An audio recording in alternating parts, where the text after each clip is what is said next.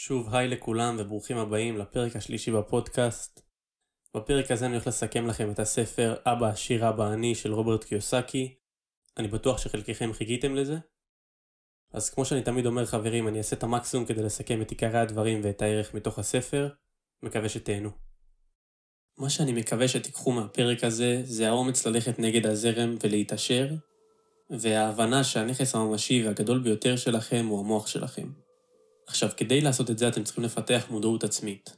מרבית האנשים מצטרפים אל ההמון ועושים דברים רק משום שכולם עושים אותם, ואו פשוט חוזרים על רעיונות ששמעו מבלי להפעיל שיקול דעת, או להתייעץ עם מומחה בתחום. משפטים כמו הבית שלכם הוא ההשקעה הטובה ביותר שלכם, אל תיקחו סיכונים, בחרו עבודה עם ביטחון וכולי. בנושא הזה, מי ששמע את הפרק הראשון בפודקאסט בוודאי זוכר שהסברתי מדוע יש לי בעיה עם משפטי מוטיבציה או חוכמה למיניהם שיש באינטרנט. ואותו הדבר תקף גם כאן. לפי פסיכיאטרים, הפחד מפני נאום בפני קהל עבור אנשים מסוימים גדול מהפחד מהמוות. זה בעצם איזשהו פחד שנובע מאינסטינקט הישרדותי, והוא נגרם על ידי הפחד מנידוי, להיות יוצא דופן, שמא נהיה לצחוק או שיחרימו אותנו. והפחד הזה מונע מאנשים רבים לחפש דרכים חדשות לפתרון הבעיות שלהם. במילים אחרות, הדבר היחיד שעוצר את רובנו הוא ספק עצמי, ובעולם האמיתי צריך יותר מציונים טובים כדי להצליח. צריך אומץ לב, חוצפה, עקשנות, ברק בעיניים, ביצים גדולות. המרכיב הזה, לא משנה איך תקראו לו, הוא המרכיב העיקרי שקובע את הצלחתו של אדם. מעט רקע על הספר והסופר. הספר מנסה לחנך מבחינה של התנהלות כלכלית והגדרה מדויקת יותר של מושגי יסוד פיננסיים, כמו נכס, התחייבות, תזרים מזומנים ועוד. לסופר, כמו שציינתי, קוראים רוברט קיוסקי, והספר מסופר מנקודת מבטו. רוברט הוא איש עסקים, משקיע נדל"ן וסופר אמריקאי, שהתפרסם בעיקר בעקבות ספר זה. אבא עשיר אבא עני הוא אחד הספרים הראשונים שקראתי אי פעם, ואני חושב שהוא ספר שמאוד מפתח את צורת החשיבה והשקפת העולם שיש לאמץ כדי להגיע למצב של עצמאות כלכלית. אני פגשתי את הספר הזה לראשונה כשהשתחררתי מהצבא. בניגוד לרבים מהחברים שלי שנסעו לטיולים של אחרי צבא, באופן אישי אותי זה פחות עניין, למרות שזו חוויה כשלעצמה. אני פשוט שאפתי להגיע למצב של חופש כלכלי והייתי נחוש לחקור ולצבור כל מידע בנושא שיכול לעזור לי לקדם את השאיפה הזו. אז עוד רגע לפני שאני מתחיל להיכנס לנקודות שסיכמתי לכם, חשוב לי לציין ולהדגיש למה זה כל כך חשוב וקריטי לקבל חינוך פיננסי. קצת נתונים יבשים. ישנו מדד, למרות שהוא לא מוגדר באופן רשמי על ידי רשויות המדינה, הוא מדד שמתפרסם מעת לעת על ידי גורמים ממשלתיים. המדד מהווה מדד פשוט ועממי להצגת יוקר הדיור. אני הולך להשתמש במדד הזה כדי להמחיש לכם את הנקודה שלי. אז המדד בעצם בודק מהי כמות המשכורות הדרושות כדי לרכוש דירה ממוצעת. כשאני אומר כמות המשכורות הדרושות, אני מתכוון למשכורת הממוצעת במשק. נכון ל-2019 מדובר על בערך 10,500 שקל ברוטו בחודש. שיעור קטן בהיסטוריה. בשנת 1961 נדרשו שלוש וחצי שנים של משכורות ברוטו כדי לרכוש דירה.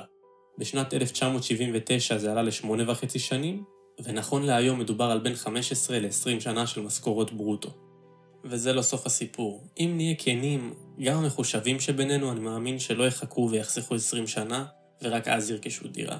כלומר, מה שרוב האנשים עושים זה לחסוך מספר מצומצם של שנים, ואו לקחת כסף מההורים, בכדי להשיג הון ראשוני ולקחת הלוואה מהבנק. משכנתה. מה שאומר שבפועל הם ישלמו את הסכום שהיה חסר להם, והם לבו מהבנק, בתוספת ריביות. לצורך הדוגמה, זוג שרוצה לרכוש דירה ב-2 מיליון שקלים, יזדקק להון עצמי בסך של 25%. בדוגמה הזאת 500 אלף שקל. וייקח השלמה של מיליון וחצי הנותרים, שהם בעצם המשכנתה. עכשיו, משכנתה בנויה מתמהיל, כלומר מספר מסלולים של ריביות שונות שמרכיבות את המשכנתה. אני לא אכנס לעומק בנושא המשכנתאות עכשיו, אבל אם זה מעניין אתכם תכתבו לי ואני אכין הסבר בנושא. בפועל זה אומר שאותו הזוג שדיברנו עליו, יחזיר לאחר 30 שנה של ריביות, בתוספת הקרן, אותם מיליון וחצי שלוו, בין 2.5 ל-3 מיליון שקל בחזרה לבנק. זאת במידה ולא פנו ליועץ פיננסי חיצוני לבנק. במידה וכן פנו, הם יוכלו לחסוך עוד כמה מאות אלפי שקלים. ככה שכל החבר'ה הצעירים שמתלוננים שאין רצון לעבוד ושקשה מאוד לרכוש דירה היום ולהתפרנס בכבוד, לא כל כך טועים. עם זאת חשוב לציין שהתנאים שיש היום מבחינת דיור מאוד השתכללו. דירה ממוצעת כיום מגיעה בדרך כלל עם מעלית, חניה פרטית, מזגן ורכוש משותף של הבניין. משהו קטן להתנחם בו, אני מניח. עכשיו, אחרי ההקדמה הזאת, ובגלל שאתם עדיין מאזינים, אני מרגיש בטוח לומר שאתם אנשים שרוצים לקדם את הסטטוס הכלכלי שלהם, אז תרשו לי לפוצץ אתכם בערך. אני הולך להתמקד במספר מושגים היום מתוך הספר ולהרחיב מהידע האישי. ממליץ לקחת דף ועט, מתחילים.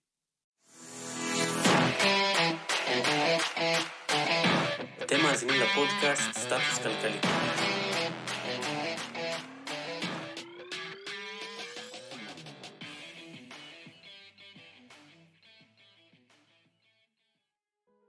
היסטוריית המיסים וכוחם של החברות הגדולות.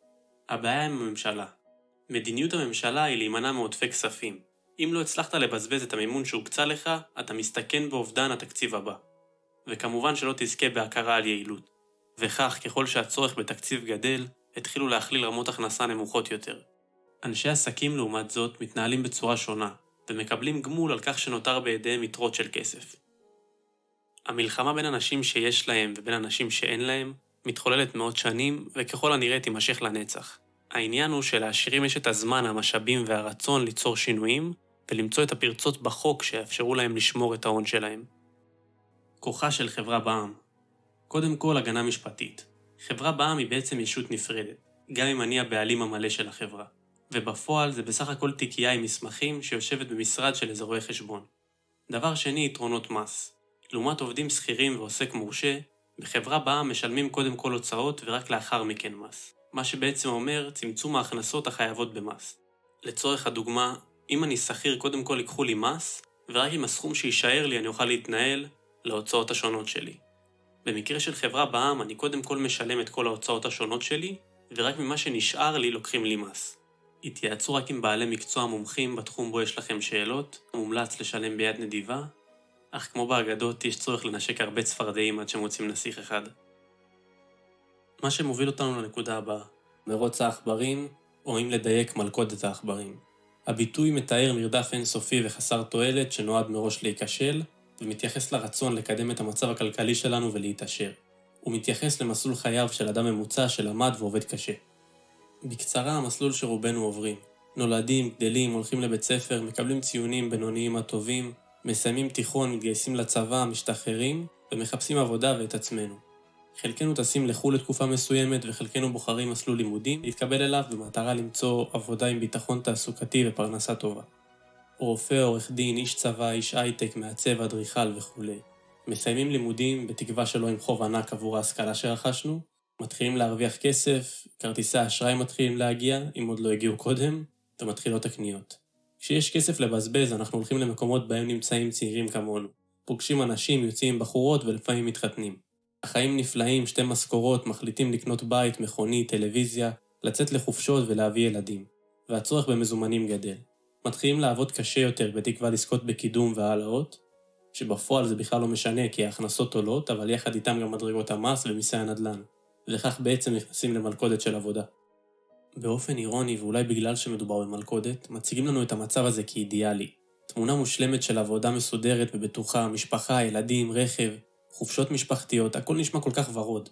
כמובן שמתעלמים לגמרי מהעובדה שעובדים בין 5 ל-6 ימים בשבוע, כל שבוע לפחות 8 שעות ביום ויותר, אם רוצים להרשים את הבוס ולקבל קידומים או הכנסה יותר גדולה. חשוב להבין, שכר גבוה לא בהכרח יפתור לנו בעיות כספיות. בהשכלה פיננסית אנחנו לומדים בעצם לא רק איך להגדיל את השכר שלנו, אלא איך לשמור על כמה שיותר ממה שאנחנו מרוויחים. עכשיו, לרוב האנשים יש מחיר, בגלל שהם מונעים מפחד או מתאוות בצע. כלומר, הם מפחדים מה יקרה אם לא יוכלו להכניס כסף או להתפרנס, או יש להם איזה שהם שאיפות של דברים שהם רוצים להשיג, בין אם זה רכב יקר או שעון יוקרתי או סגנון חיים מסוים, והדבר הזה מערפל את יכולת הקבלת החלטות שלהם. עכשיו, לפני שאנחנו מתחילים, אנחנו חייבים קודם כל ללמוד לשלוט ברגשות האלה, אחרת אנחנו פשוט נהיה עבדים עם משכורת גבוהה. רק כדי לתת לכם קצת המחשה מספרית. יש נטייה בארץ לומר לאנשים כמה אנחנו מרוויחים ברוטו, שזה לא באמת משנה כי הכסף לא באמת מגיע אלינו אף פעם. זה סתם מספר שרשום לנו בתלוש שכר החודשי כדי שנרגיש טוב עם עצמנו, ונוכל לספר שאנחנו מרוויחים הרבה. אבל עם משכורת חודשית של 30 אלף שקל ברוטו, יישאר לנו בכיס לאחר מדרגות מס בערך 17 אלף שקל נטו. זה פער של כמעט 50 אחוז. אה, הברית יש להם איזושהי בדיחה שאומרים על הקטע הזה, על הראשי תיבות של ג'וב. Just over broke. בעברית פשוטה זה בעצם אומר כל מי שיש לו עבודה, ממש מעבר לקו של המרושש. הסיבה שהבדיחה הזאת אולי כל כך מדויקת וכואבת לרוב האנשים, היא שרוב האנשים מסתמכים על העבודה שלהם כמקור הכנסה היחיד שלהם. כלומר, אם הם יפסיקו לעבוד, הם לא יוכלו להתקיים. ואחד המדדים החכמים שבאמת מציגים בספר למדידת עושר, זה בדיקה כמה זמן אתה יכול לשרוד בלי העבודה שלך. פרט לזה זו מלכודת בגלל שאנחנו בעצם מובילים את עצמנו למצב בו יש לנו הרבה התחייבויות שונות לתחזוק, בית, משכנתה, רכב, לימודים, חופשות והוצאות נוספות שנערמות, והמקור הכנסה היחיד שאנחנו נשענים עליו הוא העבודה הישירה שלנו. במילים אחרות, משעבדים את החיים שלנו למקום עבודה ומעמידים את עצמנו במצב בו אין לנו שום כוח במקום העבודה, כיוון שאנחנו תלויים בו לתחזוקה של כל החיים וההתחייבויות שלקחנו על עצמנו.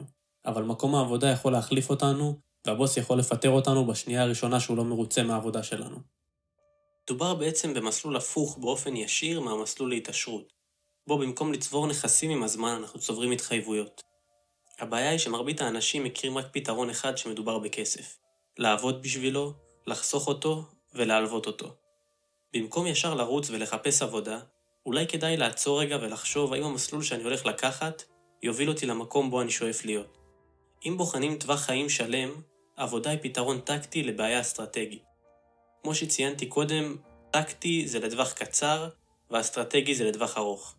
אגב, גם אם חסכתם סכום מסוים של כסף, אם אתם לא יודעים כיצד למנף אותו ובעצם להפוך אותו לנכס, הוא לא שווה הרבה בידיים שלכם. קצת כמו רובה בידיים של צלף לעומת רובה בידיים של פציפיסט. מי שלא יודע, פציפיסט זה אדם שהוא נגד אלימות. רוב האנשים עובדים למען בעל החברה או בעל העסק, ואז למען הממשלה באמצעות מיסים, ולבסוף למען הבנק עם התחייבויות, בעלים של המשכנתה וכרטיסי האשראי שלהם. כדי להתעשר צריך קודם כל לעבוד בשביל עצמנו. העשירים מתמקדים בעמודת הנכסים שלהם ולא בדוח ההכנסות שלהם. שימו לב טוב למה שאמרתי עכשיו. העשירים מתמקדים בעמודת הנכסים שלהם ולא בדוח ההכנסות שלהם. המושג הבא שאני אגע בו זה נכס לעומת התחייבות. עכשיו בואו נעשה קצת סדר במושגים והמשמעות וההבדל ביניהם. אז ככה, בצורה הפשוטה ביותר, התחייבות היא כל דבר שאנחנו מוציאים עליו כסף על בסיס חודשי או קבוע. ונכס הוא כל דבר שמכניס לנו כסף על בסיס חודשי או קבוע.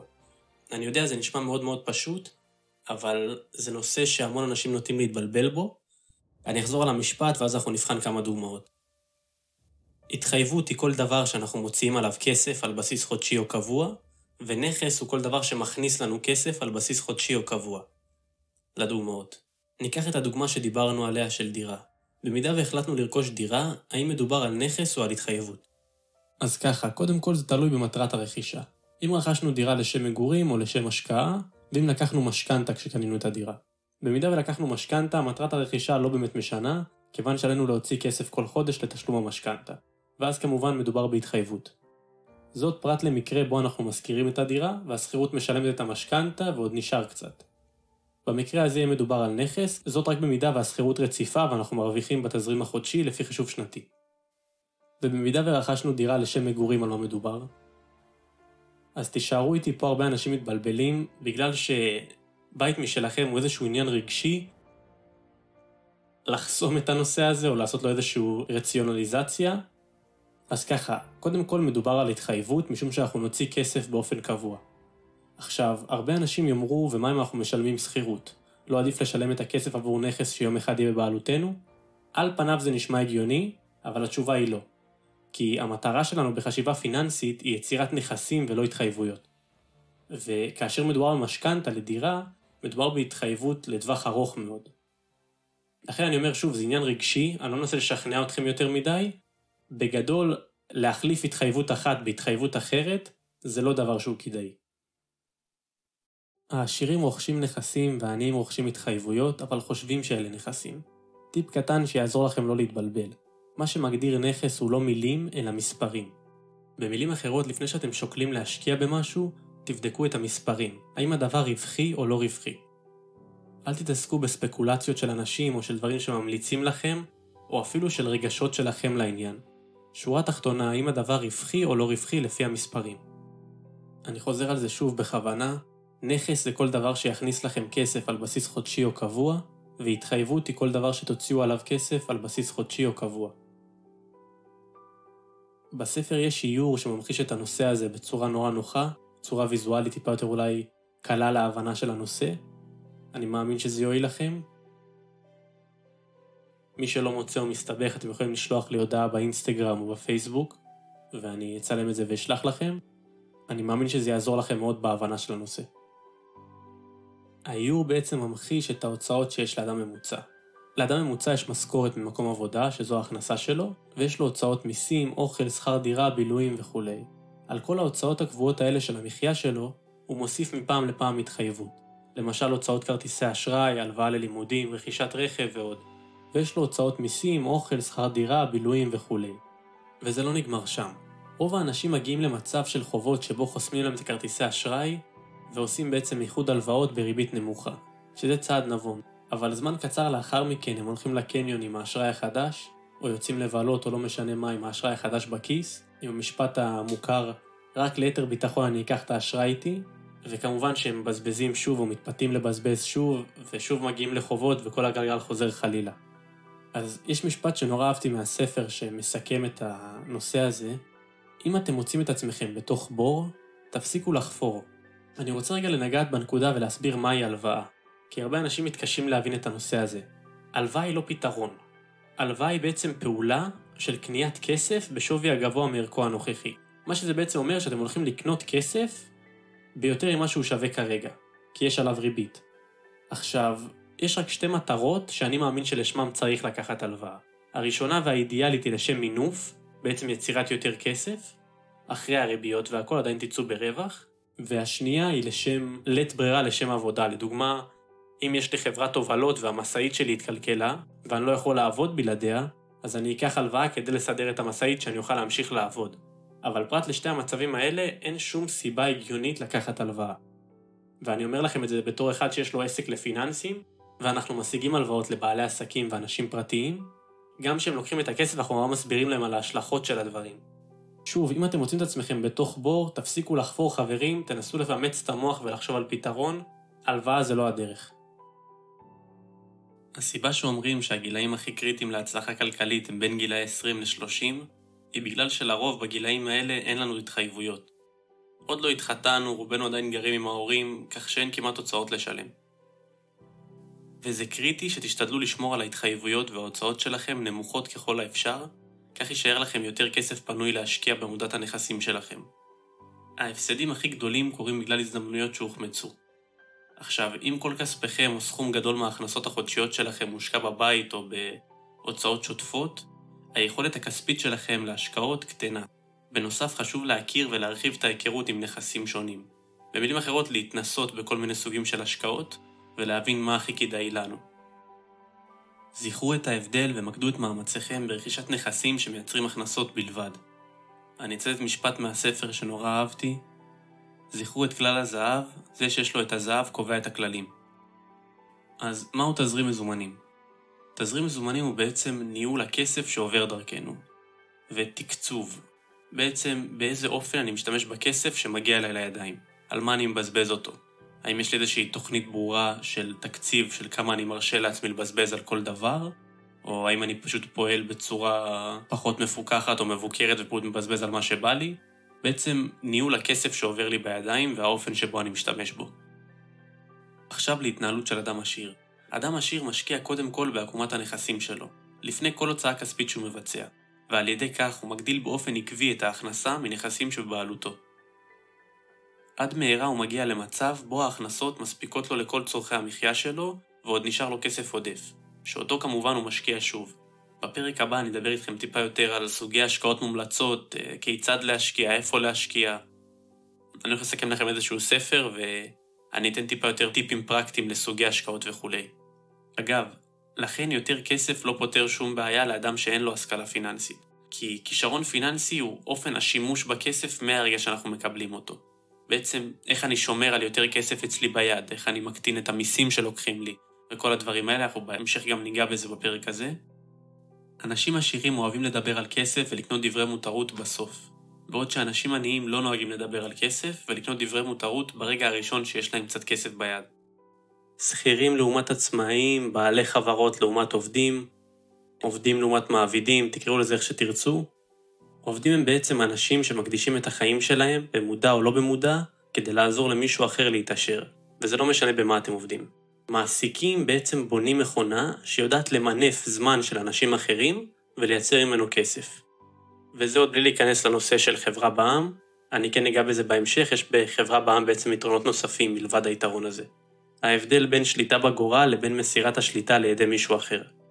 יש סטנדאפיסט אחד ששמעתי פעם שצחק על ההבדל בין עובד לעבד ובין נותן שירות למשרת. אם אתה נכנס למלכודת העכברים, או במילים אחרות מגיע למצב בו יש לך התחייבויות, ואתה נשען על העבודה שלך כמקור הכנסה יחיד, אתה בעצם גורם לכך שלא יהיה הבדל בין השניים, כיוון שאתה לא יכול להפסיק לעבוד, משועבד למקום העבודה שלך. כולם יודעים שהסטטיסטיקה של בעלי עסקים בארץ ובעולם היא נוראית. בדרך כלל נהוג לומר שאחד מכל עשרה עסקים מצליח, ובספר כשהסופר מדבר על טפלו בעסקים שלכם, הוא מתכוון לעמודת הנכסים שלכם, להשקעות שלכם בעצם, ולא בהכרח להקמת עסק משלכם. החלטתי לחלק את הפרק הזה לשתיים. הסיבה היא מאוד פשוטה, אני פשוט נורא מאמין שהרבה יותר קל ונוח ללמוד, שדברים באים בחבילות קטנות, בפרקים יותר קצרים. אני משתדל לפוצץ בערך ולתת כמה שיותר ידע שאני יכול, וגם להסביר את הנושא מכיוונים שונים או זוויות שונות, ככה שלפעמים זה קצת נמרח לי, עם זאת, אני מאוד מאוד משתדל לשמור על הפרקים כמה שיותר קצרים וכמה שיותר תכליתיים. מקווה שאתם נהנים מהם. ונתראה בפרק הבא.